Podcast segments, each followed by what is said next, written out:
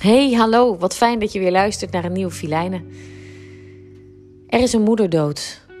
De moeder van een goede vriend overleed en ik schreef hem deze brief. Lieve vriend, er is een moeder dood.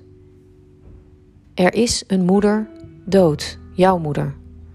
Veel te jong, veel te snel en vooral veel te onbegrijpelijk. Ze is niet meer. Ze kan niet meer, ze zal niet meer. Zomaar werd ze ziek. Zomaar, zonder reden. Het lot bepaalde dat zonder dat iemand daar iets in te zeggen had. Ze werd ziek en ze bleef ziek. Net zo lang tot ze niet meer kon. Haar lichaam moest toegeven. Haar hoofd kon dat niet. Ze bleef wakker en vertellen dat het niet om haar ging. Ze daagde de dood uit. Ze flirte zelfs met hem. In die end zou zij het toch winnen, dacht ze. Hoopte ze. Ze hoopte mis. De dood won.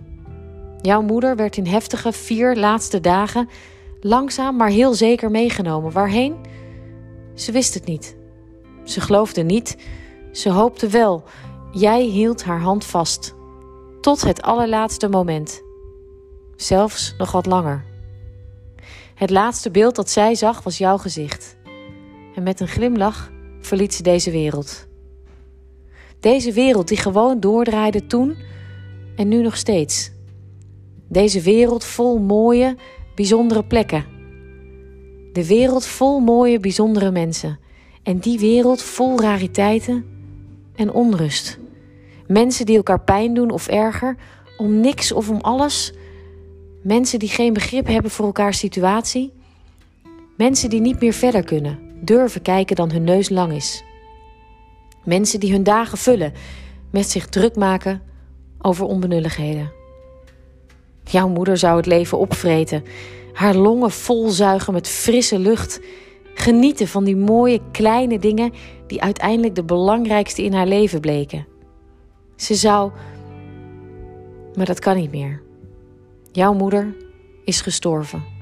En jij moet door. Jij mag door. Natuurlijk moet je huilen. Kom elke dag, mijn schouders zijn sterk. Maar kom ook om het leven te vieren, samen. Want dat is wat zij zou doen. Er is een moeder dood. Jouw moeder. Maar in jou leeft ze door. Haar wijze woorden, haar lieve lach, haar mooie stem. Jij hebt het bij je. Ik zie het als ik naar je kijk. Ik hoor het als je praat en ik voel het als ik bij je ben. Vreet het leven dus op. Voor jezelf en voor haar. Ik help je. Liefs, Filijnen.